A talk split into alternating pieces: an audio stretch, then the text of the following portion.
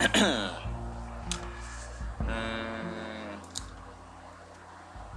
ん。日本とインドネシアのギャップ。ギャップですね。えっとですね。やっぱりインドネシアのことや日本のことなどもインターネットに書いてありますよね。でもさインターネットインターネットに書いてあるものは嘘ばかり書いてあるサイトもいますよ。例えば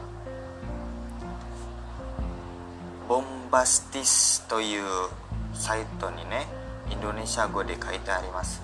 それ調べてみてください。そこに書いてあるのは日本人の女子高校生は学校に行く時にパンツ履いてません。それ絶対違いますよね。私見たことないんですけどいや考えてみれば考えてみればちょっとあれは戦隊じゃないですか。超変態ですよね。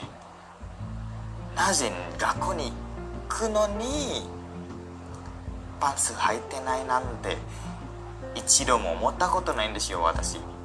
男子なのに。まあ男子だったら嬉しいよね。うわ風がバーって吹いたら見える。あれあれは嬉しいですよね。でも絶対にないんですよねそれは。高校に行ってパンツ履いてなかったらもう絶対頭おかしい。私インドネシア人なのにそれは頭おかしい。絶対おかしい。変な人。それ日本人に確認して私の友達ですね。女子高校生は学校に行く時パンツ履いてませんか？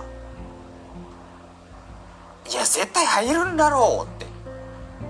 大きい声で答えてきたんですよ。あれちょっと腹立つわとか言ってやっぱりそこに書いてあるものは嘘でした。私もインドネシア人の皆さんに言ってそれは絶対ないんですよ。日本人の女性は変態じゃないんですよ。だから AV 見るばかりじゃ頭おかしくなりますよ。そのサイトを作った人は絶対毎日毎日毎晩毎まあいつもいつもその人の仕事はただ AV を見るだけだと思うよ。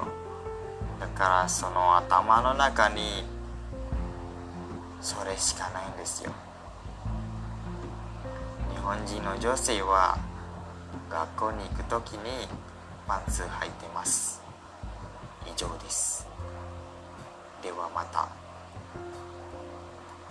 次はご飯のことを話します。